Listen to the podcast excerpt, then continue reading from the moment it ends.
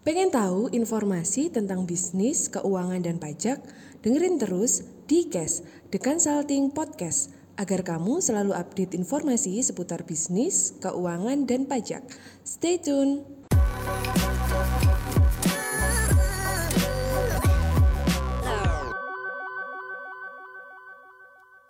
Hai guys, teman-teman The Consulting Lovers, welcome back to acara Tengobis ya guys. Jadi hari ini kita akan ngobrol seru ya karena hari ini eh, teman saya ya pengusaha sukses asli Solo ya turun gunung guys ya turun gunung. Jadi ini momen yang sangat langka ya guys, di mana beliau akhirnya sharing. Beliau ini pengusaha tulen tapi hari ini uh, ini ya uh, bener-bener mau sharing terhadap kita gitu kan uh, dia mau bagiin menurut saya satu topik yang saya rasa kalian tidak akan bisa dapatkan di tempat lain ya karena anyway ya mungkin hanya bagi di sini ya dan di komunitasnya dia karena dia punya satu beberapa mungkin banyak macam perusahaan ya. Satu dua tiga empat lima enam tujuh delapan.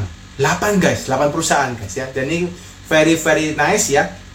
Ini yang mungkin nanti akan di kalian dapatkan hari ini topiknya soal mindset. Ya mindset memang itu yang pertama. Tapi juga ada action guys. Di mindset and action yang dibutuhkan entrepreneurs ya. Untuk turn around bisnis saat kritis ya. Jadi teman-teman hari ini ini ini topik yang uh, menurut saya cukup keren ya, bukan cukup lagi keren ya karena bahasa turn around ini biasanya digunakan untuk perusahaan-perusahaan yang besar tapi ini kita akan kemas dengan uh, gaya yang cukup simple karena kalau gila kan kita nggak bisa ngomong yang terlalu detail tapi aku saya yakin dan percaya hari ini pasti uh, dapat manfaat teman-teman yang hari nonton IG live-nya sampai habis ya. Jadi teman-teman silakan liatin dan hari ini teman-teman juga boleh di Q&A ya. Teman-teman boleh tanya terkait dengan ini ya terkait dengan uh, apa namanya kondisi-kondisi yang mungkin kalian rasakan di bisnis Ini pembicara sudah hadir, saya langsung undang teman-teman ya biar tidak kelamaan. Oke, Pak Andri. Uh, halo, halo, Pak Dedi. Hai Pak Andri, apa kabar? Suaranya jelas Pak. Jelas Pak, jelas, jelas, jelas maksimal jelas. Pak. Oke, siap, siap. Suaranya jelas Pak, terus fotonya juga jelas Pak, gantengnya sudah maksimal Pak. Iya, iya, iya, iya. Iya, iya, iya. Sudah lama soalnya di rumah Pak Andi ya. Ya? Wah, mantap ini ya. Ini sudah lama nggak gila, ini pertama kali gila sama The Consulting ya Pak ya. Tahun lalu sempat gila dua kali, cuma ya ini okay, tahun ini nice. baru, baru pertama kali ini tahun ini. yes, nice. Guys, ini ini teman-teman ya kesempatan berharga guys. Ini saya tadi ngomong kalau di caption teman-teman yang lihat di eh, di IG saya, saya tulis ini jagoannya turun gunung ini. ya, ini Pak Andi jarang namanya dia IG live guys. Dan hari ini kita berhasil undang beliau untuk sharing gimana caranya Pak Andi bisa buka cabang-cabang, bisa buka perusahaan-perusahaan yang luar biasa guys ya. Dan hari ini kita mau belajar dengan beliau orang yang sangat humble, orang yang luar biasa ya. Oke, Pak Andi, ya. gimana kabar di Solo Pak Andi? Uh, sehat-sehat semua Pak Andi ya? Sehat-sehat semua Pak. Jadi um, kondisi ya. akhir-akhir ini sudah sudah kondusif sih. Kalau di okay. Solo ini pas bulan Juli itulah itu parah-parahnya Pak. Pas bulan hmm, Juli itu Juli kemarin ya Pak ya. Kondisinya, ya. Tapi kalau okay, sekarang okay, ini okay, okay. sudah sangat bagus sih. Kalau di Surabaya gimana Pak? Oh, Oke. Okay. Surabaya so far rasanya sekarang sudah mulai padat ya Pak. Jadi sudah uh, apa uh, kayak paling gampang kan kita ngukurnya dari lalu lintas pak itu paling pertama ya, ya lalu lintas sudah padat terus uh, mall ya. ya mall ini juga kemarin kebetulan saya hari minggu ada foto ke mall saya ke mall juga saya masuk saya lihat juga sudah mulai ramai tapi belum maksimal ya belum iya, iya. seratus persen karena kan nggak bisa hmm. anak kecil kan nggak bisa masuk ya benar tapi benar. udah mulai kok pak udah mulai udah mulai ya. karena ppkm perpanjang ya, perpanjang iya. terus iya, ini moga-moga cepat turun ini Pak ya. Kalau nggak turun iya, iya, iya, iya. pada jelek-jelek nih Pak. Wah, kita semua Pak. iya, iya, iya. Tapi gimana? Saya Pak Dedi atau Bro Dedi ini? Panggilnya Pak Dedi atau Bro Silakan, silakan, silakan. Pak, Pak Adi panggil saya Bro, saya panggil Pak Adi nya ko aja gitu ya, kalau gitu ya. Oh, jangan, Adi gitu ya. saya masih muda loh Pak. itu ya, sama-sama muda. Oke, oke, oke, oke. Kalau kalau dari Bro Adi sendiri gimana di Solo? Apa namanya sudah ini ya bisnis uh, apa uh, kemarin COVID uh, stagnan, menurun atau naik malah di, yeah. di ya. COVID kemarin? Oke, okay. um, kalau overall ya Pak ya, mulai dari yeah. sebenarnya sebelum COVID yang pertama ya tahun 2020 itu kita sudah bagus ya dari Januari Februari hmm. Maret itu pun masih bagus tapi kemudian Maret itu kan kita yes, dihantam yes. COVID ya Aprilnya itu yes. April itu ya saya rasa nggak hanya saya ya semua di Indonesia mungkin ya merasakan yes. dan memang hmm. eh, sangat dampaknya sangat luar biasa ya omsetnya memang turun jauh hmm. tapi hmm. dengan uh, kerja keras seluruh tim kemudian kita banyak melakukan inovasi-inovasi dan kita sekarang sudah hmm. terkenal lagi pak sudah rebound Cuma memang kemarin sempat kehantam PPKM, ya. PPKM kemarin ini yang tidak disangka-sangka juga ya. Jadi hmm. sebulan itu juga pasti kena dampaknya. Cuma sekarang ini sudah kembali hmm. lagi normal sih, hampir-hampir normal lah. Kayak gitu. Hmm. Ya. Jadi sekarang sudah kembali normal ya Pak Andri ya? Ya sudah mendekati, mendekati normal. Ya. Gitu. Wah, nice, nice, nice, nice. Ini luar biasa Pak. Masih beberapa bisnis saya masih sempat tanya mereka masih belum steady ya masih malah masih malah tahun ini katanya malah lebih parah katanya. katanya. Oh, gitu. Tapi ya? kalau bisnisnya Pak Andre ini ini ya sudah kembali normal. Nice pak. Ini perlu diceritain nih bisa normalnya gimana nih ya ya ya. Ini cocok kelihatannya pak ya. Oke oke. Mantap mantap mantap mantap. Oke pak Andi sebelum kita ngobrol pak soal topik utama pak gitu ya. Kan hari ini ya. kita topiknya kalau saya lihat cukup ini ya fantastis ya. Karena ini judulnya saya yakin teman-teman pasti banyak belajar ya. Karena uh, judulnya soal Sama-sama. mindset and action yang dibutuhkan entrepreneur untuk orang bisnis saat krisis. Jadi salah satu judul yang menurut saya cukup wow gitu dan pasti banyak belajar. Nah, tapi sebelum kita nyampe ke sana, Pak, sebelum kita belajar ke sana, yeah. Pak, boleh enggak, Pak? Kita pengen tahu nih, Pak, gimana sih, Pak, kisah hidupnya dari seorang Andi, Pak? Kok bisa sampai mendirikan gitu ya, Cista Group ini sampai sebegitu kerennya? Gimana nih Pak ceritanya? Pengen dengar nih Pak. Ya, ya, ya. Oke oke ya ya Pak. Oke sebelumnya saya mengucapkan terima kasih pada Pak Dedi juga kemudian tim di consulting ya yang sudah memberikan kesempatan ya pada IG Live malam hari ini. Juga terima kasih misalkan ada tim-tim saya yang boleh uh, bergabung ya pada IG Live ini.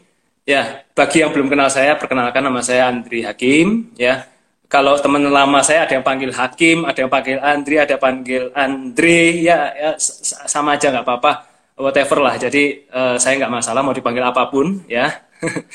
uh, usia sekarang saya mendekati kepala empat, Pak, mendekati, ya. Hmm. Ya, dua tahun ya. lagi. Mukanya masih masih kepala dua ya Pak ya, mukanya Pak ya. Wah, amin amin masih, Pak. Masih kecil. Enggak enggak ada gelutan loh Pak Andi kepalanya. Mantap. Iya iya iya. Ya. Okay, okay. Jadi kalau saya flashback sedikit ya Pak ya, um, tahun hmm. 2004 saya lulus Pak dari Universitas hmm. di Bandung ya, Katolik Parahyangan, okay. Parahyangan. Okay. Kemudian saya sempat bekerja di uh, perusahaan elektronik terkemuka di Indonesia, hmm. tapi saya nggak usah sebut namanya karena udah tutup pak, udah bangkrut. Ya. ya. Oke oke oke iya, oke. Bangkrut uh, sebagai manajemen trainee ya, manajemen trainee waktu training. itu saya di sales. Hmm. Kemudian saya juga um, dipindahkan pertama di Jakarta, kemudian pindah ke Semarang, kemudian pindah ke Jogja itu sekitar satu setengah tahun. Hmm. Nah dari oh, situ okay. saya belajar uh, jadi bawahan juga. Jadi kalau hmm. kita jadi leader kita harus merasakan juga nih menurut saya ya pak jadi bawahan hmm. ngerti rasanya dimarahin hmm. rasanya di uh, apa ya ditegur ya diberi kritik masukan hmm. nah, itu, itu penting juga untuk kita bisa hmm. memiliki nanti empati pada bawahan kita juga nah setelah hmm. itu sebenarnya saya uh, masih kerasan tuh pak di perusahaan itu ya sebenarnya masih kerasan hmm. tetapi ada panggilan nih dari keluarga ya dari keluarga ada panggilan hmm. jadi um, orang tua saya memang ada toko dari orang tua saya ini yang mengalami kesulitan keuangan gitu ya Pak. Secara hmm. kesulitan keuangan dan saya dipanggil untuk membenahi gitu ya. Dan hmm. itu prosesnya luar biasa Pak. Berdarah-darah hmm. ya, berdarah-darah. Ber... Maksudnya berdarah-darah gimana Pak Andi? Um, ya kita terus terang aja ya itu terlilit utangnya cukup luar biasa. Saya nggak bisa menyebutkan nominal di sini ya. Hmm sampai okay. sampai selama dua tahun pertama saya itu nggak gajian pak nggak gajian sama sekali okay. dari bisnis saya nggak ambil sama sekali gajian pak ya, ya dua ya. tahun ya pak itu pak ya dua tahun malah saya yang saya dua nyuntik tahun. dana juga nyuntik dana ke oh. Orang tua dari hasil saya nabung hmm. di pekerjaan saya sebelumnya sama waktu kuliah saya suntik yes. ke perusahaan orang tua juga itu dan yes, yes. saya sih bersyukur ya eh, orang tua saya juga memberikan apa ya namanya um, logo ya untuk memasrahkan bisnis ini kepada saya untuk saya benahi karena hmm. kalau satu kapal dua nahkoda tentunya sangat susah ya kalau susah, kalau benar. pasti ada perbedaan pandangan ada bisa jadi konflik-konflik ya jadi hmm, hmm, hmm, hmm. Itu kemudian setelah itu jadi dari toko itu kan saya berbenah dan hmm. tahun 2008 saya um, mengajak istri saya membajak ya, tepatnya membajak sih. Membajak. membajak. Dia, kerja di misalnya Jakarta. Tapi itu belum jadi istri pak, masih hmm. jadi calon. Oh masih masih uh, calon ya, istri pak ya. Calon istri ya. ya. ya saya ini kata 2009 ya. 2008 hmm. saya um, menyuruh dia untuk bantu saya juga ya. Betul hmm. bantunya tidak hanya dengan tenaga semata, tapi juga pemikiran, hmm. juga dengan modal juga dia juga ikut modal. Jadi kita hmm. bantu usaha-usaha itu, Pak. Jadi benar-benar kita hmm. memulai usaha-usaha yang selain toko yang awal dari orang tua ini kita dari nol, Pak. Jadi nggak ada sama hmm. sekali uh, istilahnya di modal orang tua sama sekali nggak ada. Pak. Itu. Ini malah Jadi, bukan nol ya, Pak. Malah minus ya, Pak Andi kalau dari ya. Pak Andi ya. Kan ya, sempat karena utang juga kan ya. Iya, iya betul betul. Nah okay, itu okay, mungkin okay, okay, saya okay. bisa katakan itu krisis pertama dalam hidup saya ya. Jadi sebelum krisis hmm. yang um, ppkm sekarang ini dalam pandemi ini saya sudah pernah mengalami krisis hmm. seperti itu gitu. Dan hmm, dari situ nice. saya berbuka buka toko demi toko, toko demi toko. Ah, tentu ada yang gagal juga pak, ada yang gagal, ada yang tutup juga hmm. ada. Tapi sampai sekarang kita dari yang awalnya dari orang tua saya satu toko, satu toko dengan karyawan belasan. Saat ini kita hmm. ada enam toko grosir, dua toko di mall, hmm. uh, dua hmm. sales canvas, dan juga ada juga resto ya, tapi itu franchise ya, franchise resto. Yes, yes, yes. Dengan karyawan sekarang yes, kurang yes. Yang belakangnya saya ikut, saya ikut tuh Pak ya. Iya, iya, itu itu kita siap, sekarang siap, siap. 100 karyawan. Dan puji Tuhan hmm, sekarang kita mantap. juga tidak ada hutang sama sekali di Pak, nggak ada hutang. Nice. Jadi nggak nice. uh, ada hutang karena memang pengalaman di masa lalu itu yang membuat saya agak hati-hati dalam mengambil hutang. Mungkin ke depan tetap kita butuh hutang ya, tapi posisi saat ini yes, kita yes. belum berencana mengambil hutang lagi itu itu yes, mungkin pak yes, saya yes. yes. menarik ya pak ini menarik ya pak saya saya baru dengar meskipun kita juga cukup uh, kenal ya pak ya maksudnya sudah cukup kenal lama gitu ya tapi saya dengerin ini kan baru hari ini pak ya dari Pak Andi langsung ya di mana ternyata Pak Andi mulai ini dari uh, bukan bukan plus lah ya ya uh, zero atau malah mungkin mendekati minus karena ada ter terkait dengan utang meskipun kalau di kolak ada barang dan kawan-kawannya. Nah, yeah, terus yeah. Pak Andi kan asalnya juga dari ini ya, uh, dari uh, apa uh, profesional sebelumnya, terus diajak langsung ke toko gitu ya. Mungkin juga kalau saya membayangkan di usia-usia itu kan ibaratnya mungkin mohon maaf nih Pak, mungkin masih belum punya pengalaman banyak gitu Pak ya, masih keluar dari toko, keluar dari pekerjaan, lalu langsung disuruh ke toko, dihandlekan toko yang kondisinya ibaratnya kapal ini sudah bocor-bocor ya Pak, untuk sudah mau karam saya gitu ya. Itu ya, apa ya. Pak? Maksudnya yang perasaannya atau apa Pak yang dilakukan apa aja Pak mungkin yang waktu itu Pak? Mungkin ya yang paling utama sih saya menunda kesenangan Pak. Paling penting ya, hmm. ya. Jadi pada usia-usia hmm. saat itu saya umur sekitar berapa itu? 23 ya. 23 itu ya tahulah hmm. ya Pak, anak-anak muda ya. Teman-teman saya mungkin hmm. sudah bisa jalan-jalan luar negeri, sudah bisa mm-hmm. uh, naik mobil mewah dan macam-macam lah. Mm. Nah, tapi mm. itu saya nggak bisa pak, nggak bisa. Mm. ya, ya jadi saya tunda terus kesenangan. Bahkan untuk mm. menikah pun saya juga uh, pas-pasan. Jadi saya juga waktu itu aduh mm. bisa nikah aja puji Tuhan saya itu, ya bisa nikah mengadakan pesta pernikahan pun saya bersyukur sekali bisa menikah gitu ya. Um, kalau mindsetnya apa ya pak? Ya itu pertama menunda, menunda kesenangan. Terus yang kedua ya saya nggak ada pilihan lain pak. Kepepet pak. Hmm. The power of kepepet. Seperti oh. judulnya Pak Jaya Setia Berdiri ya. Tapi saya belum baca ya, gitu. Ya, ya. Saya kurang lebih ya, tahu ya, ya. power kepepet karena hmm. kalau misalkan saya sampai gagal, saya, pasti yang di, kalau kita gagal membenahi ini pasti bebannya di saya pak.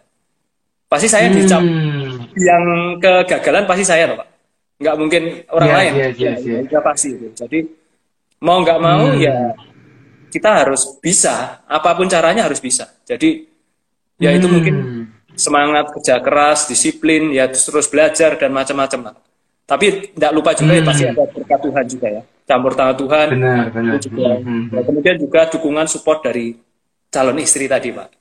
Jadi dia juga hmm. tahu kondisi seperti ini, tapi dia tetap mau nikah sama saya, Pak. hmm, yes, yes, yes. Ini yang luar biasa, Pak ya. Ini superhero ini ya, wanita superhero ini, Wonder Woman ini. iya, Wonder Woman, Pak. Iya, iya. Iya, iya, iya, iya. Jos nih, Pak, namanya, Pak. Iya. Oke, oke, oke, oke. Pak, pengen pengen tahu Pak, maksudnya waktu pertama masuk ke dalam sebuah toko gitu ya, di mana sebuah usaha ini kan Bapak dirikan, eh bukan didirikan oleh orang tua gitu ya, terus dalam perlimpahan gitu ya, itu juga terjadi baratnya kan uh, kondisi yang kurang baik terus dilemparkan ke Bapak. Apa ya. Pak yang terjadi waktu itu Pak? Uh, gini Pak, kalau memang pada saat itu kan tentunya bawahannya banyak yang lebih tua ya Pak itu pasti walaupun yes, yes, kita secara yes. hmm, status ya secara status kita hmm. seakan lebih tinggi ya ya tapi kalau hmm. untuk hmm.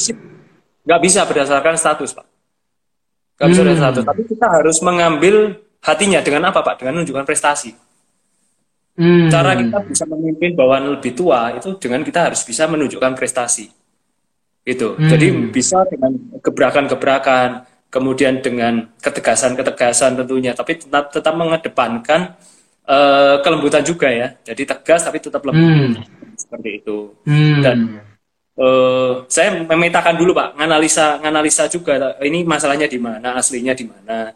Dan memang ujung-ujungnya memang seperti Pak Dedi uh, katakan di depan ya, memang masalah utama para pebisnis awalnya di keuangan. Itu hmm. keuangan ini harus kita benahi ya waktu itu ya. Karena hmm. secara omset sudah lumayan bagus, tapi masalah keuangannya itu. Hmm. Itu, Pak. Jadi secara omset sudah lumayan, tapi masalah ya. ngelola uangnya aja, Pak, ya yang bermasalah Betul. gitu ya. Akhirnya Betul. mungkin bisa minus gitu ya. Iya, iya. Oke, oke, oke, oke, oke. Pak, pengen gali lagi, Pak. Tadi kan Bapak sempat sampaikan bahwa ada gebrakan yang dilakukan, gitu ya kalau saya ini ini sharing aja maksudnya Pak. Kalau kita selama ini kan sudah sering menangani perusahaan keluarga ya, di mana dari perusahaan dari orang tua turun ke anak gitu ya, terus yeah. uh, bertemu seperti yang Bapak lakukan gitu ya, terus kondisinya Bapak memimpin orang yang lebih tua gitu ya. Nah, biasanya Pak yang sering kami temuin bukan biasanya ya, yang uh, beberapa lah yang kami temuin adalah ketika mereka pindah gitu ya. Kadang-kadang ini antara anak ke karyawan yang lama ini nggak bisa ngatuk pak gitu ya terus begitu nggak bisa ngatuk gitu ya nggak bisa ngatuk itu bahasa Indonesia apa ya nggak bisa nyambung gitu ya guys nyambung, ya. kalau teman-teman nggak bisa nyambung gitu ya pemikiran nggak bisa iya, nyambung iya, ya, ya terus habis itu yang masalah juga adalah orang tua itu juga punya pandangan kan juga kan nyambungkan juga nggak gampang terus begitu bapak nggak nyambung sama si karyawan karyawan komplain ke bapak bapak itu nah, orang tua orang tuanya komplain ke bapak nah itu gimana pak itu gimana itu itu itu, itu real itu betul betul itu terjadi kok oke oke Ya, okay. ya, ya, ya. Uh, gimana ya? Kalau dulu saya sih pertama saya mengamati memang masalah utamanya di kedisiplinan. Hmm. Ya, kedisiplinan. Jadi hmm. rata karyawan yang kinerjanya bagus dengan karyawan yang kinerjanya biasa atau bahkan jelek itu hmm. relatively ribetnya atau dapatnya sama, Pak. Jadi itu akan hmm. menimbulkan orang tidak mau memicu kemampuan yang terbaik. Itu yang pertama ya. Hmm. Kemudian yang kedua, saya lihat ya memang uh, apa ya pengaturan keuangan tadi, pengaturan keuangan tadi dan saya menunjukkan hmm. hmm, hmm. mungkin keteladanan. Kita harus jadi role model, role model bagi mereka hmm. Uh, usia yang relatif masih muda. Kita yang seperti saya katakan Pak, kita harus menunjukkan fungsi juga, kita juga harus mau disiplin dan kita juga harus mau mendengar mereka juga sih. Ya, hmm. ini, kita juga nggak boleh apa ya uh, semaunya sendiri menang sendiri, tapi kita harus mendengar juga gitu itu hmm. dari salah satunya pemimpin juga harus mau mendengar gitu pak yes yes yes nice nice nice tadi saya sempat dengar keuangan ya pak ya bapak kan sempat cerita bahwa ya. keuangan yang bermasalah pak boleh nggak pak? Kalau mungkin nggak konfidensial gitu ya. Maksudnya yang terjadi seperti apa?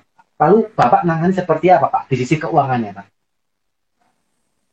Kalau nggak konfidensial ya pak. Maksudnya kalau nggak sampai yang terlalu private ya. Tapi kalau private ya monggo jangan dijawab nggak apa-apa. Oke ya ya gini gini. Kalau kalau wah ini kok topiknya jadi sini ya nggak apa-apa lah.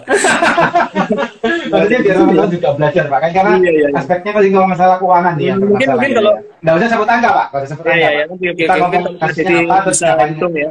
Secara ini coba pak itu pak Dedi hitung kalau misalkan uh, hutangnya itu kurang lebih 30 kali omset bulan, eh, 10 kali dari omset sebulan, kira-kira gimana Pak? Besaran hutang, hutang 10, 10 kali, dari, omset sebulan, oke, okay. oke. Okay. Nah itu, itu kondisinya okay. dulu seperti itu ya. Dan ya pasti okay, minus. Okay. Okay. Gitu. Itu itu ya yes. saya ngomong kasaran gitu aja ya Pak. Gitu. Yes yes yes Pak. Yes yes. Hmm, ya, itu jadi kondisinya, kondisi itu. Hmm. Hmm. Dan itu yang memicu saya dan ini berdampak untuk yang sekarang ini Pak ya. Sekarang ini kan ppkm. Okay. Nah Pak ppkm hmm. pandemi ini jadi saya bisa aplikasikan yang terjadi waktu itu untuk sekarang ini itu. Okay. Jadi memang penting sih analisa ya analisa yes. laporan keuangan juga. Jadi waktu yang saya benahi waktu itu itu waktu itu belum komputerisasi jelas waktu tahun itu ya kita hmm. langsung komputerisasi dulu.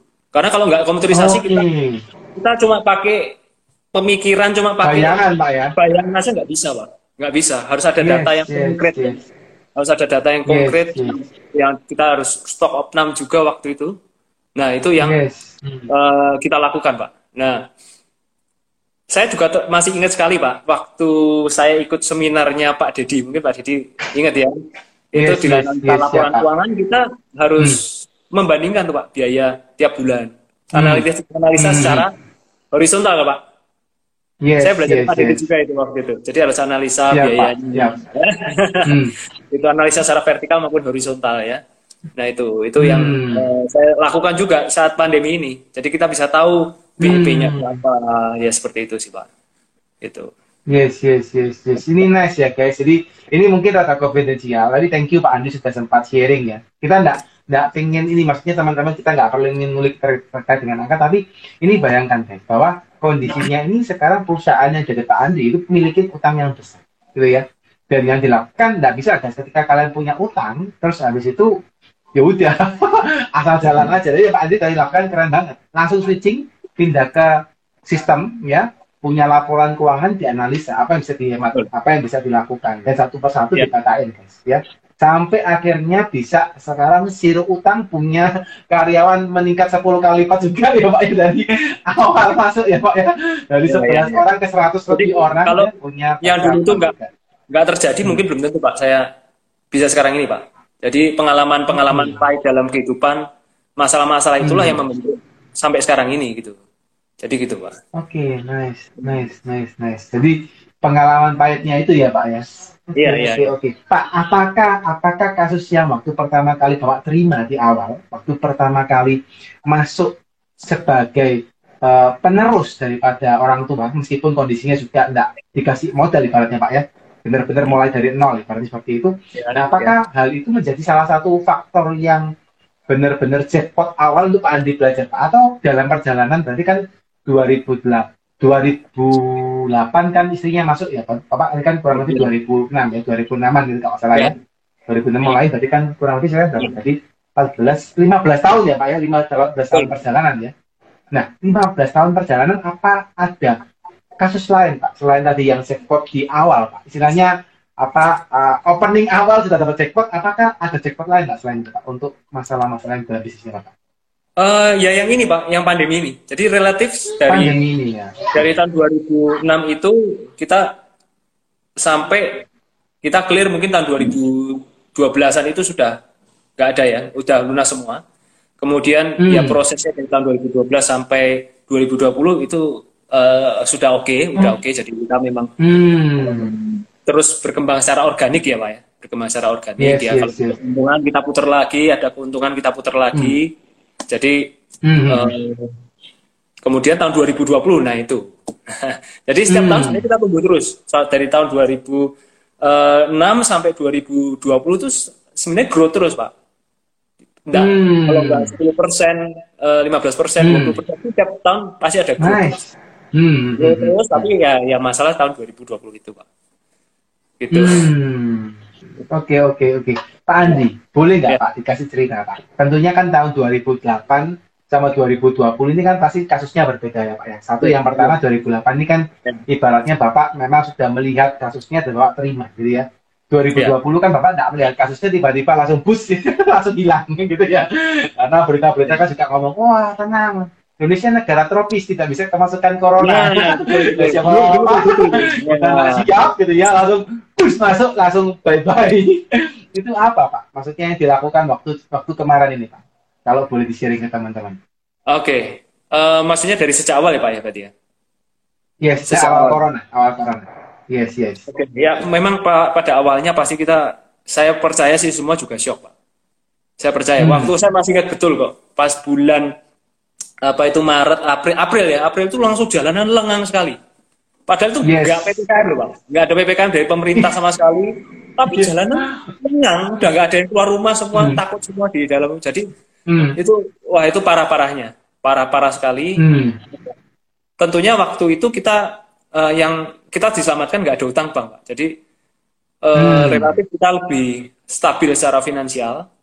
Nah, cuma memang untuk karyawan kita langsung bikin waktu itu kita sistemnya shift ya, oblang. Jadi hmm. uh, sehari masuk, sehari enggak, sehari masuk enggak. Tapi itu hanya jalan sekitar dua bulan saja sih.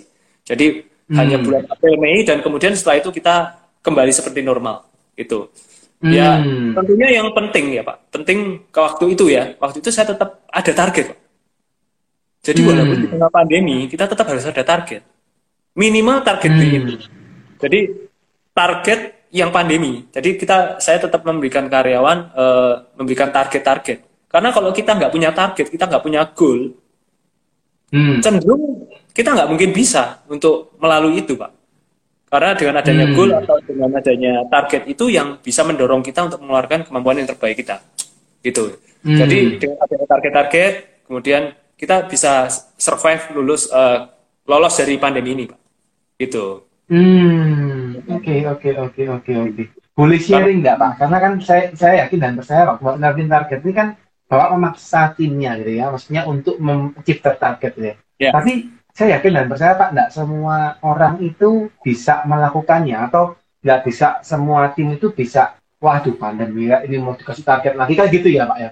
Apa Pak yang dilakukan Pak? Ini kok bisa sampai apa menurut saya amazing ya Pak ya dalam kondisi itu malah bisa masih punya target, bahkan Bapak bisa achieve the target. Itu apa Pak yang dilakukan? Hmm. ya, kalau saya sih selalu apa ya, uh, dalam leadership ya, dalam memimpin uh, bawahan juga kita berusaha untuk menjaga komunikasi, Pak. Menjaga komunikasi, hmm. kemudian kita juga selalu terbuka, ya. Kemudian hmm. selalu kita open ya. Jadi sejak pandemi hmm. itu kita ada WA group khusus jadi seluruh karyawan hmm. nyambung. Dulu sebelumnya nggak ada pak. Kalau dulu saya okay. Eh, dalam tanda petik agak eksklusif. Hmm. Jadi dulu agak eksklusif. Hmm. Jadi yang bisa ngontak saya mungkin hanya uh, level di bawah ya. saya ya. Tapi sejak pandemi yes, yes, ya kalau satu grup ya jadi bisa saling tukar informasi dengan cepat. Jadi ada yang mau kontak saya, oke okay, nggak hmm. masalah. Jadi saya open communication. Hmm. Gitu. Nah kemudian setelah itu saya terus cari peluang juga pak saya terus cari peluang dan saya selalu kalau apa ya uh, saya mas karena walaupun di tengah karyanya begitu banyak toko begitu banyak saya tetap menyempatkan setiap uh, ada briefing saya tetap hadir pak setiap okay. tiap briefing jadi saya setiap hari itu briefing giliran pak hari ini hmm. briefing di toko ini besok briefing toko ini besok briefing toko ini jadi divisi kita kan banyak banyak hmm. kita muter hmm. muter terus jadi sedikit banyak hmm. kita saya tahu orang-orangnya seperti apa, tim kita seperti apa. Mereka juga tahu saya hmm. dalam. Mereka mereka tahu lah hmm. saya seperti apa, istri saya seperti apa. Hmm. Jadi um, itu jadi kita ada nggak kayak apa ya? Bukannya ngomong nggak ada jarak, tetap ada jarak. Tapi maksudnya kita hmm. um, komunikasinya terbangun dengan baik gitu. Itu yang mungkin memudahkan hmm. saat kita memberikan target-target. Ya, kita saya selalu jelaskan target ini hmm untuk demi keberlangsungan perusahaan dengan baik gitu jadi hmm. bukan untuk memperkaya diri saya tentunya bukan tapi hmm. bukan untuk saya jadi uh, crazy rich atau apa enggak saya ngomong gitu hmm. tapi bagaimana hmm. caranya untuk kita menyelamatkan perusahaan ini bersama-sama gitu gitu hmm. jadi bisa seperti itu malah Pak Andi malah ini ya apa memotivasi timnya ya supaya ya. mau berjuang karena kalau enggak itu mungkin kondisinya malah bisa jadi malah beberapa kala malah dirumahkan karena kondisinya kalau sampai tidak bagus ya Pak ya. Iya, iya, iya. Tapi memang kita sudah menjamin ya. tidak akan me mengeluarkan karyawan satupun. Kita udah jamin waktu itu. Wah, nice. Ya, nice. Ya, kita udah jamin. Tapi waktu kita itu malah nggak nggak mengeluarkan sama sekali, Pak ya? Iya, kecuali memang ada karyawan kontrak yang nggak bagus kinerjanya, memang ya ada yang kita yes. Itu lain cerita. Tapi kita bukan mengeluarkan dalam konteks karena efisiensi. Itu itu kita nggak nggak keluarkan. Hmm. Nah, kita berusaha hmm. bagaimana uh, kita menjaga karena kita tahu kalau mereka keluar cari kerjaan nggak gampang. Ya, dan hmm. kita sudah, sudah, sudah terima di sini berarti kan kita percaya sama dia. Nah, bagaimana juga hmm. supaya um, dia juga bisa menjaga kepercayaan kita dan bagaimana kita juga bisa memperlakukan dia dengan baik di perusahaan kita gitu, Pak. Hmm, nice, nice, nice, nice, nice, nice. Ini satu satu insight yang baik ya, guys. Kalau saya belajar bahwa setiap uh, orang sukses ya, setiap pengusaha sukses dia pasti bisa menjadi pemimpin yang luar biasa. Ya seperti Pak Andi ya. Kalau teman-teman dengerin tadi ya. Pergi briefing guys. Pindah-pindah pagi yang hari A ke toko ini pagi B ke toko yang ini. Pindah selalu pindah. Dan itu selalu menyempatkan. Bahkan tidak ini ya segan-segan di grup A dan kawan-kawan dilakukan untuk bisa koordinasi dengan tim. Ini keren guys ya jadi kalau teman-teman yang punya usaha mungkin baru satu dua karyawan terus tidak pernah briefing, nah ini harus dipikirin ya. Pak Andi ratusan karyawan aja setiap hari briefing gitu. ini juga perlu dipikirin ya. Nice, nice, nice. nice. Iya. Pak Andi, ini pengen dengar ya. lagi Pak Andi. Ini Pak Andi kan punya Sista Group ya Pak, kalau saya boleh sampaikan ya Pak ya Sista Group ya. ya. Dan saya lihat ini kan Sista ini bergeraknya di berbagai macam gitu ya Pak ya. Uh, ya apa bidang gitu ya. Meskipun ada dekat-dekatan ini gimana Pak ceritanya Pak? Kok sampai bisa membuat grup yang menurut saya keren sih karena apa ya banyak gitu ya macamnya gitu ya. Seperti ya. apa nih Pak? Boleh ceritakan sama teman-teman mungkin Pak. Sebenarnya uh, dulu ya dulu awalnya kita itu tidak hmm. ada rencana yang terlalu muluk-muluk tinggi-tinggi itu sebenarnya enggak Pak. Awal utama kan hmm. kan memang kita tujuannya bagaimana caranya semua kewajiban hutang itu lunas. Udah. Itu dulu ya awalnya yes. ya Yeah, dan itu clear. Yeah, awalnya itu pak ya. ya. Itu clear. Kemudian itu jalan jalan seperti sendirinya pak. Jadi seperti sendirinya terus gini. Hmm. Uh, tapi memang saya berpikir memang kita harus maju. Kenapa kalau harus maju pak? Karena kita memang kalau kita nggak maju, tentu karyawan kita nggak maju pak. Gimana cara? Gimana kalau? Iya. Karena kita semua leader kita itu semua murni dari dalam. Jadi semua kepala hmm. toko, kepala accounting, finance, head itu semua tidak ada yang kita rekrut dari luar dari profesional nggak ada. Hmm. Itu semua benar-benar kita murni hmm. dari dalam. Nah, hmm. saya, saya berpikir kalau misalnya kita nggak tambah toko, apa mereka bisa naik karir, pak? Nggak bisa.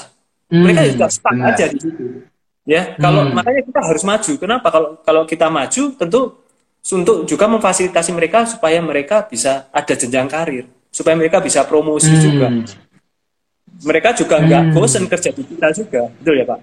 Nah, itu yang pertama. Terus yang hmm, kedua, um, saya juga melihat di toko misalkan di toko A ya, di toko A, di toko yang dulu misalnya Putri Bunga. Saya uh, ini awalnya organik. Jadi uh, responnya pembeli sangat bagus ya. Ya berkat Tuhan juga ya. hmm. sangat bagus. Kemudian sampai tokonya udah nggak muat. Tokonya nggak muat, jual barang hmm. dagang dan muat. Oke, kemudian kita buka hmm. satu lagi. Barangnya nggak muat ya, sampai sampai saya banyak ya, ya. Akhirnya kita buka, buka khusus. Hmm. Jadi barang ini udah nggak di toko ini, kita buka di satu toko, buka buka toko lagi. Dan memang oh. ber, bergeraknya seperti itu. Dan uh, hmm. memang hmm.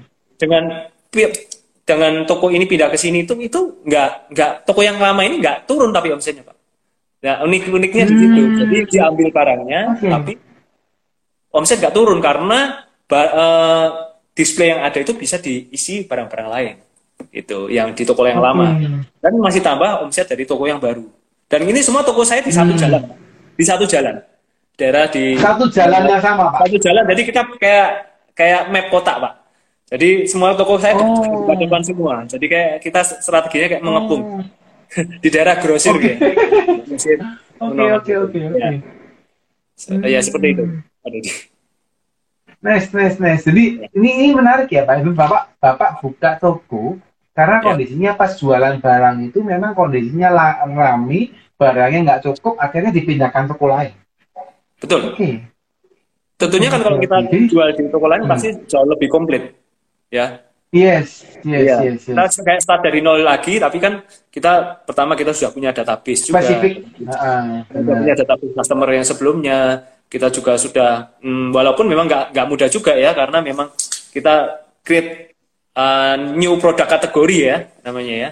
Create yes, new product yes, yes. sendiri dan tapi uh, itu berhasil pak. Ya bersyukurnya itu berhasil. Hmm. ya, seperti itu. Nice nice nice. Ya. jadi menarik ya pak ya. Jadi ini ini kalau saya dengar itu kok rasanya gampang gitu ya pak ya. Dari dari dari jalan gitu ya organik ya. besar buka toko jalan lagi gitu nah ini Jadi, Pak Andi betul ngomong enggak nih Pak keuntungannya kita putar Pak ngomong sempat ya, uh, ya mungkin yang nggak mudah menahan hmm. diri ya kalau biasanya kan kalau kita udah punya keuntungan segini hmm. wah ya kita bisa untuk apa bisa untuk belanja bisa untuk beli apa yes, enggak yes, kita yes. coba kita tetap tahan ini putar buka toko lagi hmm. putar buka toko lagi putar buka toko lagi seperti itu Hmm. Ya, uh, kalau kita boros, kita uh, sembarangan ya mungkin nggak ada. mungkin tokonya cuma satu dua yes, aja. Yes. Gitu. Yes, yes, yes, yes. Oke, okay, nice, nice, nice, nice. Jadi ini menarik juga ya, Pak Pak Andi. Keuntungan diputar lagi buka toko lagi, keuntungan diputar lagi yeah. buka toko lagi.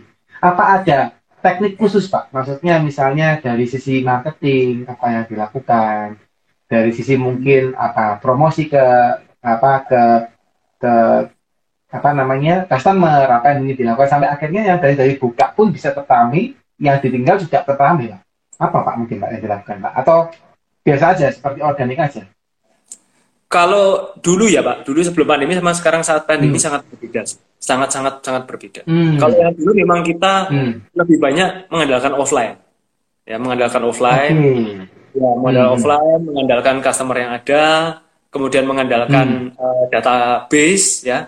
Nah, kalau ini sekarang hmm. nggak hmm. bisa. Sekarang kita strategi marketing kita kita banyak cari customer baru.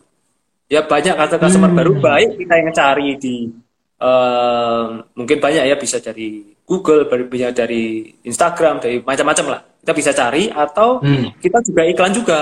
Kita juga iklankan hmm. di mereka mereka mereka yang kontak kita ya seperti itu jadi memang kita sekarang uh, bentuk tim marketing untuk bisa baik di media sosial baik kemudian di marketplace kita main di sana kalau sekarang gitu nggak bisa cara mainnya hmm. ya, beda, beda jauh sama yang dulu kalau sekarang memang harus beda pak ya. ya kalau dulu kita persentase omset dari yang offline offline mungkin dulu bisa 70 70 80 persen banding 20 persen yang online pada saat tahun hmm. 2019 gitu ya. Kalau sekarang berbanding terbalik. Sekarang berbanding terbalik. Hmm. Iya. Mungkin offline-nya tinggal Sekarang malah yang online-nya yang malah kencang ya. ya. Iya, iya, iya, iya. Oke, oke, oke. Memang kebanyakan mayoritas lewat WhatsApp, Pak. WhatsApp. Ya. Oke. Okay. Masih lari-larinya ke WhatsApp. Gitu. Oke, oke. Okay, okay. Leads yang masuk menarik, maupun menarik. ya, itu hmm. lewatnya WhatsApp kebanyakan. Oke. Okay. Pak, ini ya. pengen dalamin lagi, Pak. Kalau Bapak sempat sampaikan bahwa 80 persen itu malah sekarang kan ke off online ya tadi ya 70 persen yeah. persen sudah malah ke online. Berarti Betul. apa strategi buka toko baru ke depan malah menjadi salah satu alternatif Pak? atau malah sekarang geber aja online-nya atau gimana? Uh, maksudnya uh, apakah saya punya strategi buka toko lagi atau gimana maksudnya Pak? Saya... Nah, kan tadi Pak Andi kan cerita kan bahwa online-nya sudah 70-80 persen kan untuk iya, online-nya yeah, kan ya. Yeah. Nah, berarti kan apa nanti kita membuka toko baru lagi misalnya gitu Pak Andi punya toko baru lagi menjadi salah solusi atau malah Pak Andi ke depannya malah ngedein online aja malah. Kalau untuk jangka pendek saya, saya memang hmm. ini tidak tidak rencana buka toko lagi di Solo. Tapi saya memang hmm. kita mau rencana invest di gudang, Pak investasi gudang. Ya, karena kita kan impor sendiri. Kita kan barang hmm. impor sendiri. Kita impor dari hmm. dan gudangnya sekarang sudah nggak nggak memenuhi, nggak memenuhi syarat lah. Hmm. memenuhi, uh, jadi yes, yes. repot kalau kita mengandalkan gudang yang yang kemarin. Jadi kita harus invest gudang yang hmm. jelas lebih baru, jelas lebih besar dan pasti menurut saya berdampak di omset. Karena putaran e, barangnya pasti lebih cepat dengan adanya gudang seperti ini. Itu yang mungkin strategi saya ke depan. Hmm. rencana buka cabang lagi ya ada pak. Tapi tunggu tanggal mainnya pak. Tapi tapi ada. Wah, ini saya harus ngulik-ngulik ini. Mau ke mana ya Pak Ade ya? Sudah keluar dari sama Solo di mau ke nasional nih amin amin Mantap, mantap, mantap, mantap. Wah, menarik, menarik. Ya teman-teman. Jadi ini ini luar biasa loh teman-teman. Jadi perkembangan dalam 15 tahun ini cukup fantastik ya Pak Ade ya. Apalagi yang kalau teman-teman sempat tadi Pak Ade dengerin ya sebelum pandemi larinya 70% offline ya. 30% yang online. Tapi yang sekarang kebalikan. Kita 80% online, 30-20% yang offline. Wah ini, ini keren kan? Ya, dan ini cepat bisa langsung di report ke sana ya. Yes, yeah. yes, yes, yes. Nice, nice, nice, nice. Oke, okay. nah Pak Andi. Yeah. Kalau misalnya Pak Andi, kita boleh rangkum Pak Andi ya, bahwa tadi kan Pak Andi boleh, tadi kan banyak hal yang dilakukan ya, yang hal yang dilakukan kan dari mulai tim memimpin tim ini seperti apa, bagaimana bisa transform dari offline ke online gitu ya, terus yeah. bagaimana ngurusin keuangan gitu ya. Nah kalau boleh kita rangkum ke teman-teman Pak gitu ya, apa sih Pak action yang mungkin harus dilakukan oleh teman-teman pengusaha, terutama yang sekarang ini, apalagi yang bisnisnya sekarang lagi belum terulang Pak, masih di bawah Pak, untung belum terulang balik Pak. Ini apa Pak yang harus dilakukan mereka kira-kira? Oke. Okay, um Mungkin yang pertama kita harus punya goal dulu, Pak. Visinya kita mau bawa hmm. ke mana dulu bisnis kita. Itu paling penting. Hmm. Karena itu yang menjadi fondasi, itu yang menjadi arah kita mau apa yang mau kita sasar ke mana. Nah itu. Jadi harus kita bikin hmm. ya minimal kalau kita nggak punya goal big plan ke 10 tahun, minimal satu tahun ke depan kita mau ke mana sih gitu. Itu yang harus kita punya itu. Hmm. Kemudian yang kedua kita harus punya juga ingin berubah. Jadi kita nggak boleh uh, terlena. Kita udah seperti ini ya ya pasrah dengan keadaan nggak bisa kita harus berubah karena hmm. um, seperti yang dikatakan Albert Einstein ya ya adalah orang gila pak kalau kita melakukan hal yang sama berulang kali tapi pengen hasilnya beda nggak bisa kalau kita pengen hmm. hasilnya beda ya tentu hmm. kita harus melakukan tindakan yang berbeda makanya itu harus itu kita harus melakukan hmm. banyak perubahan ya salah satu contoh hmm. perubahan yang kita lakukan di um, tim kita ya kita sekarang ada sesi untuk baca buku bersama pak ya itu contoh ya. Hmm. Contoh itu uh, menurut saya asik juga baca buku bersama dan kita bisa saling sharing tentang buku tersebut. Nah, itu contoh. Jadi hmm. uh, itu kemudian yang nggak kalah penting juga kita harus disiplin. Ya, kebanyakan pengusaha lemah di kedisiplinan. Hmm. Iya, karena kenapa? Nggak disiplin? Karena nggak ada yang ngatur. Kecuali mungkin istrinya atau hmm. Iya, iya ngatur. Dia kan masa karyawannya ngatur kan ya nggak mungkin, ya kan? Yes, yes, ya, yes. Jadi kalau hmm. dianya nggak hmm, kerasa nggak ada yang ngatur, biasanya cenderungnya uh, hmm. nyantai-nyantai, tinggal suruh-suruh hmm. aja. Nah itu yang bahaya. Hmm. Jadi harus disiplin. Ya kalau karena kalau dengan disiplin ini kita jadi role model bagi anak buah kita.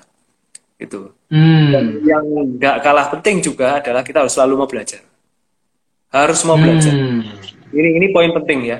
Uh, di saat pandemi ini, apalagi ini, kalau mau belajar paling gampang di saat pandemi. Dulu kan kita nggak kenal, yes. ada zoom, ya. Yes. Nggak, wah kalau yes. sekarang isinya zoom, zoom, zoom terus pak. Ya ini yang gratisan juga yes. banyak. Nggak, nggak, nggak yang bayar, yang gratisan IG live juga banyak. Jadi nggak ada alasan yes. kalau yes. Yes. nggak nggak mau belajar apa alasannya? Mungkin kalau biaya tinggi, sekarang nggak nggak ada biaya tinggi, cuma modal kuota aja. Hmm ya baca buku hmm. ya, berapa buku yang kita baca dalam selama pandemi ini yang sudah kita selesaikan hmm. gitu. jadi kita harus mau belajar belajar dari banyak hal belajar mungkin kalau nggak suka baca buku bisa juga dengan teman-teman teman-teman yang lebih berhasil hmm. teman-teman yang lebih sukses ya bisa juga hmm. belajar dari kompetitor pak lihat kompetitor hmm. kenapa bisa berhasil ya kita mungkin bisa hmm. terapkan prinsip ATM amati tiru modifikasi ya kita lihat hmm. cocokan dengan bisnis kita kita bisa tiru apa kita bisa modifikasi seperti apa ya seperti itu mungkin ya. hmm. ya dan terus cari peluang baru karena peluang di luar sana banyak Indonesia itu kan besar sekali ya jangan kita cuma mikirnya lingkungan kecil toh cuma Jawa cuma Pulau Jawa toh Indonesia sangat luas hmm. kesempatan dengan online ini hmm. sebenarnya kita punya kesempatan yang sangat luas gitu jadi hmm. kalau kita hanya terkotak, pikiran kita hanya terpaku hanya di dalam Pulau Jawa dan sekitarnya, kota kita apalagi, ya omset jelas gak akan tumbuh. Gitu. Hmm. Ya itu mungkin Pak. Kalau mindsetnya saya menurut yes, saya yes, Yes, yes. Yes, yes, yes. Ya teman-teman ya, ini yang perlu diperhatikan ya teman-teman ya.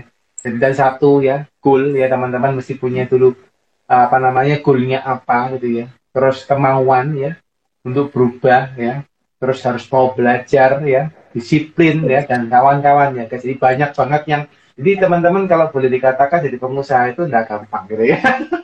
Bukanya gampang mempertahankan yang enggak gitu ya teman-teman. Oh enak kayaknya pengusaha gitu ya kedatanya gitu ya. Wah tokonya banyak gitu ya. Terus misalnya pakai ya mobil mewah gitu ya apa pun gitu ya kelihatannya enak ya. Tapi waktu jalan ya tanya sama Pak Andri itu disiplinnya gimana tuh ya pagi bangun.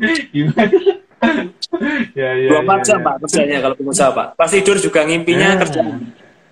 Gitu ya Pak Adi iya toh Pak. Sama Pak. Mesti Pak Adi Pak Adi pernah ngimpi Pak Adi iya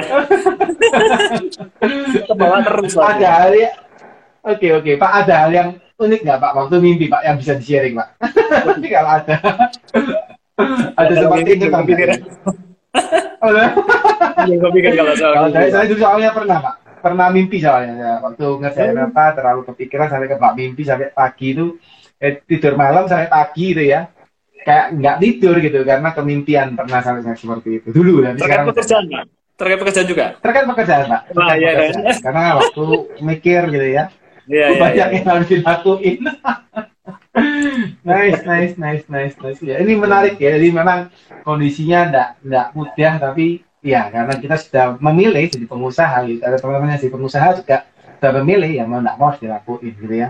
Nah mungkin kita pengen belajar juga dari Pak Andi nih. Saya karena saya lihat Pak Andi ini orangnya juga very very disiplin gitu ya terkait dengan uh, hidupnya gitu ya terkait dengan olahraganya gitu ya terkait sehatnya gitu ya.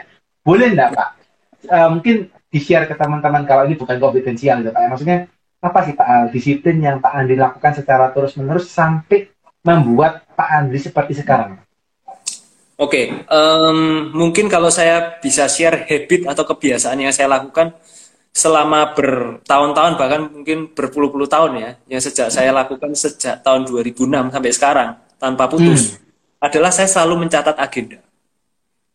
Hmm. Saya selalu punya agenda pribadi ya, uh, macam seperti ini pak. Ini kalau ini contoh ya pak, contoh real ini ini tahun 2020 hmm. pak, ini agenda nice. 2020. Hmm. Ya, ini ini saya sekarang 2021 contoh. Ini ini ini agenda. Hmm. Jadi, sejak tahun 2006 saya masih nyimpen filenya semua, Pak. Jadi kalau nice. kita ya kita mau melakukan suatu pekerjaan kita catat. Saya, saya kadang seminggu ke depan, sebulan ke depan sudah saya catat dulu. Ini mau ngerjain apa, tanggal ini mau ngerjain hmm. apa, tanggal ini mau ngerjain apa itu sudah kita rencanakan hmm. dulu sebelumnya. Jadi hmm. bagaimana kita milah prioritas-prioritas mana yang penting, mana yang enggak, mana yang mendesak, mana yang kurang mendesak, bagaimana uh, mengatur itu pak. Jadi kalau enggak ya kita bisa stres hmm.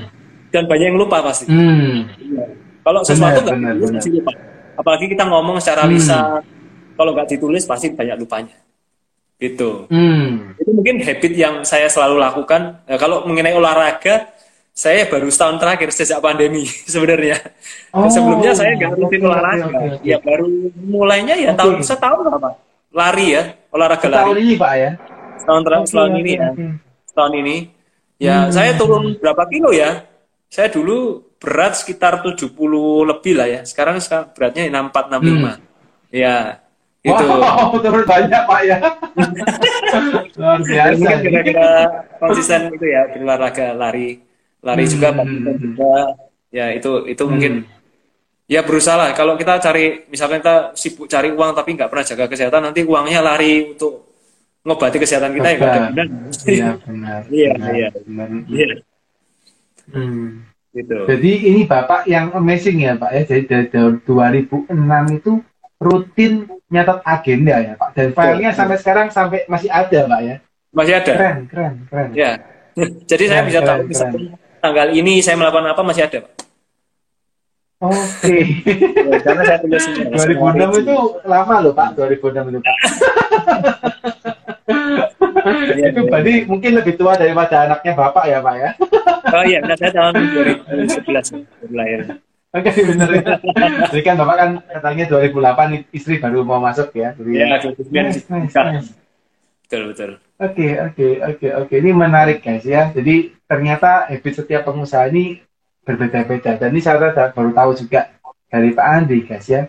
Beliau rajin membuat tas tuduh ya buat teman-teman juga yang sebagai pengusaha ya uh, penting banget kalau kalian punya apa yang harus dilakukan karena seperti Pak Andi ngomong tadi ya bahwa ketika kita uh, mau melakukan sesuatu, kita ini tidak punya kita ini tidak punya apa namanya uh, pendorong.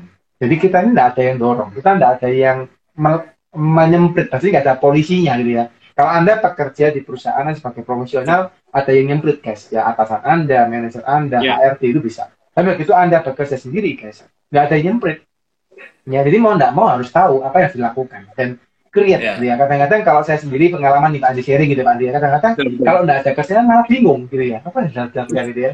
Sampai stres. Oh iya ini pekerjaan pekerjaannya. Mikir, akhirnya mikir ya punya pekerjaan pekerjaan yang dilakukan gitu ya. oh enggak gitu malah stres ya. Nah ini kalau saya Pak Andi, ya. Pak Andi pernah ngalamin nggak seperti itu? Um, jadi contohnya gimana Pak? Tadi uh, misalkan ada pekerjaan. Misalnya gitu, lagi nggak ada kerjaan, kalau nggak ada iya. kerjaan malah stres saya hampir nggak pernah ya Pak. Pengen saya kayak gitu. Nggak pernah Pak ya? Nggak pernah. PR-nya banyak saya. Okay, PR-nya okay, banyak. Okay, okay. misal pun nggak ada kerjaan pun ya cari-cari kerjaan sendiri sebenarnya. Yes, misalkan yes, mungkin, yes, mungkin yes. kita bisa cari sistem apa ya yang belum kita bikin. Kemudian uh, misalkan hmm. karyawan mana ya yang mungkin belum lengkap, apa yang bisa kita revisi, apa hmm. yang bisa kita perbaiki, um, hmm. apa yang kita bisa flashback lihat-lihat agenda yang dulu. Oh ya ini ternyata ada yang belum selesai. Ya, seperti itu pak. Jadi uh, hmm. kalau nggak ada kerjaan kayaknya sih hampir nggak mungkin saya kalau saya ya. Yes yes. Pengen yes, malah. Yes yes yes. Pengen. Yes, Kadang ya yes, yes. seperti itu gitu. Oke, okay, nice, nice, nice. Ya, buat teman-teman ini pasti insight yang menarik ya, guys. Jadi apa yang dilakukan Pak Andri terhadap bisnisnya ini macam-macam ya, guys. Jadi kalau teman-teman ikutin dari awal tadi yang beliau ceritakan ya mulai dia mendapatkan utang ya maksudnya bukan mendapatkan utang ya mendapatkan perusahaan terus dilimpahin perusahaan plus utangnya gitu ya. Terus akhirnya sampai bertransformasi macam-macam sampai sekarang ini luar biasa banget ya. Ini pasti teman-teman banyak belajar juga. Pak mungkin ini pertanyaan terakhir Pak dari saya Pak sebelum kita boleh, boleh. ya Pak Andi ya. Kalau Pak Andi sempat melakukan gitu ya Pak selama 15 tahun berbisnis Pak gitu ya. Faktor apa Pak yang menurut Pak Andri paling susah untuk Bapak lakukan? Atau faktor di bis, bisnis yang seperti apa yang menurut Pak Andri paling susah untuk Pak Andri lakukan kira-kira Pak? Oke, jadi selama 15 tahun terakhir ya Pak. Hmm. Yang paling susah ya, paling susah. Yes, yes Oke, ini pertanyaannya nggak gampang dijawab ya. Iya iya iya iya. Ya. Susah banget, bukan berarti susah yang nggak bisa dilakukan Pak ya, tapi ya, menurut ya, Adi ya. ini menurut saya kapasitasnya cukup lumayan nih bagi saya gitu, karena kan saya yakin dan percaya setiap pembisnis kan pasti punya kelemahan ya Pak. Ya. Maksudnya kita punya kelebihan dan kita punya kelemahan. Kadang ya. kita hobi marketing tapi finance-nya kurang seperti itu. Nah, okay, kalau okay. dari Pak Adi sendiri apa Pak mungkin yang menurut Pak Adi Ya kalau sulit, gitu. sekarang ini saya yang merasa ya bukan sulit ya, yang saya struggle sekarang yang memang saya masih um, apa namanya project saya ke depan ini pak, itu mencetak leader hmm. baru, mencetak leader leader hmm. baru, itu. Jadi uh, ke depannya kan kita nggak mungkin lah ya kita seperti ini terus gitu ya. Maksudnya hmm. kita kan tentu maju ya, ingin maju dan bagaimana caranya hmm. menduplikasi menduplikasi pemimpin-pemimpin yang mungkin mirip-mirip saya gitu pak itu hmm. nah, itu itu yang menurut saya PR yang nggak mudah karena manusia punya karakter yang berbeda-beda dan yes. Uh, hati manusia siapa yang tahu katanya ya tapi Benar. Dengan, um, saya memang berusaha ini yang yang memang saya yang paling saya pikirkan adalah bagaimana mencetak pemimpin-pemimpin baru gitu kalau ibarat hmm. di five level leadership ini di level yang keempat pak Ya, jadi bagaimana hmm. kita bisa membuka leader-leader baru dan saya merasa masih belum terlalu berhasil sekali di sini ya. Itu yang menurut saya yang masih uh, menjadi PR besar buat saya untuk mencetak leader-leader hmm. karena di lingkungan di sistem or struktur organisasi kita masih kebanyakan memang levelnya supervisor. Belum ada yang levelnya hmm. sampai manajer gitu. Jadi walaupun hmm. uh, sudah 100 karyawan, tapi itu masih banyak memang supervisor. Dan kita memang saya mem ke depan memang mencetak manajer-manajer manajer baru. Dan tentu manajer itu lain dengan supervisor. Ya, manajer jelas yes, berpikirnya yes, lebih yes. strategis, menganalisa data, yes, yes. dan bagaimana dia yes. juga bisa berpikir jauh ke depan, konseptual. Nah, ini PR besar buat saya. Hmm. Karena begini, Pak. Hmm. Dulu saya punya pemikiran salah Kalau hmm. dulu saya pemikirannya saya saya harus belajar semua hal. Itu. Hmm. Dan saya berpikir kembali, kalau saya belajar semua hal sekarang ya Pak, mau hmm. butuh waktu berapa lama Pak? Gak bisa Pak. Yes. Dulu saya ngikuti hmm. semua Pak. Semua training saya ikuti. Wow. Training TikTok, Instagram, training hmm. uh, negotiation, training power public hmm. speaking, hmm. leadership, hmm. ya, sales, hmm. uh, kemudian coaching, semua saya ikuti semua, gitu loh. Hmm. Kemarin saya hitung aja waktu pada waktu tahun lalu pandemi itu saya ikut workshop, nggak tahu ya, saya hitung mungkin dah 70 80 kali mungkin ya dalam setahun. Oh, wow.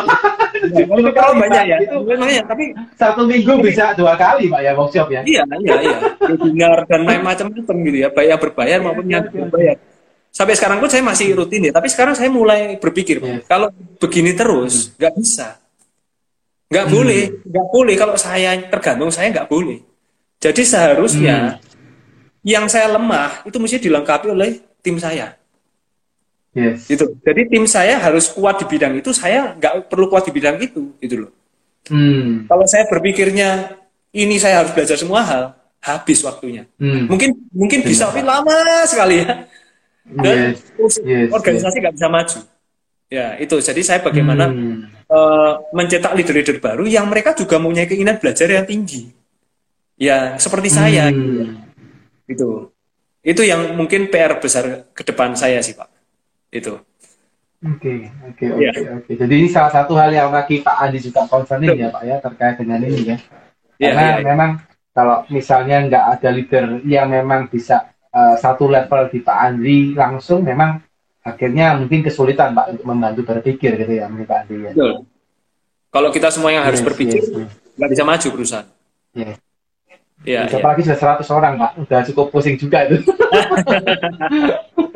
itu ya, ya, masalahnya kan juga banyak ya 100 orang ya menarik, menarik, Betul. menarik.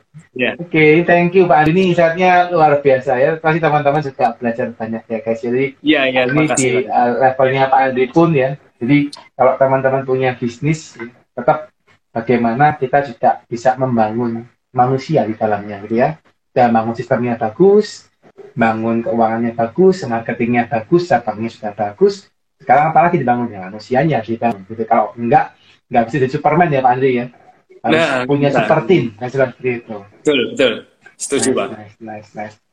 thank you so much Pak Andi buat insightnya Pak Andi terima kasih terima kasih terakhir Pak Andi ya oke okay. kata penutup Pak Andi kata penutup belum kita akhirin Pak dari Pak Andi okay. nih buat teman-teman semangat apa nih Pak yang bisa ditularkan nih Pak dari Pak Andi um, uh, untuk teman-teman yang berjuang boleh, boleh, boleh, Pak.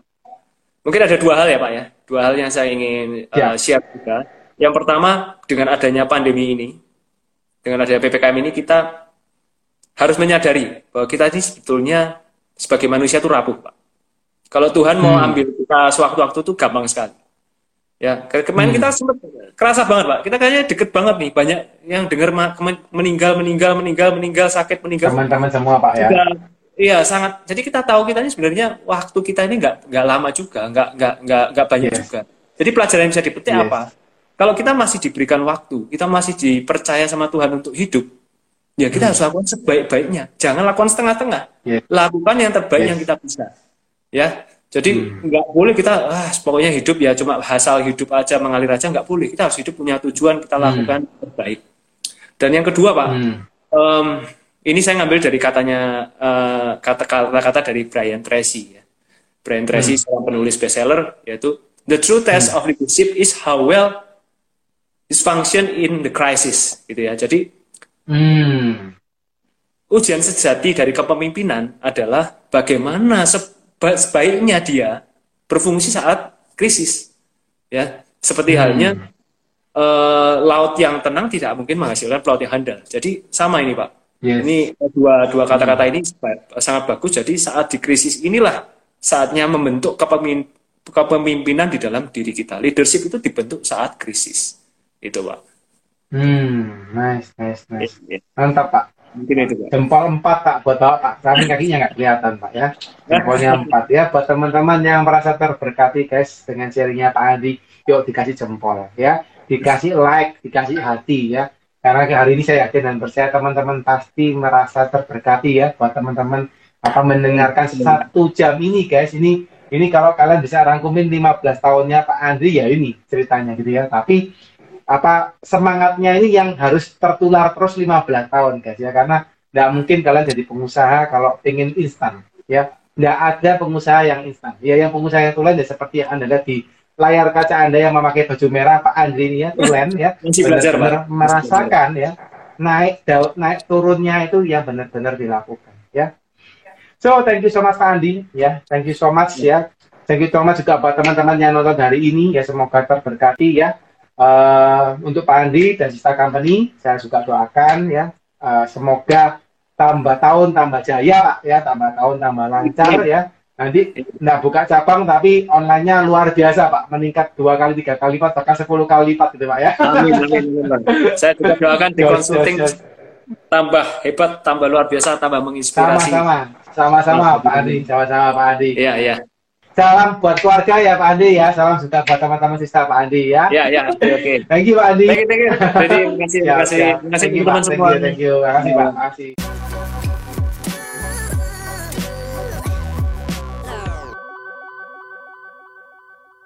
Terima kasih sudah mendengarkan Tikes. Sampai jumpa di episode berikutnya ya.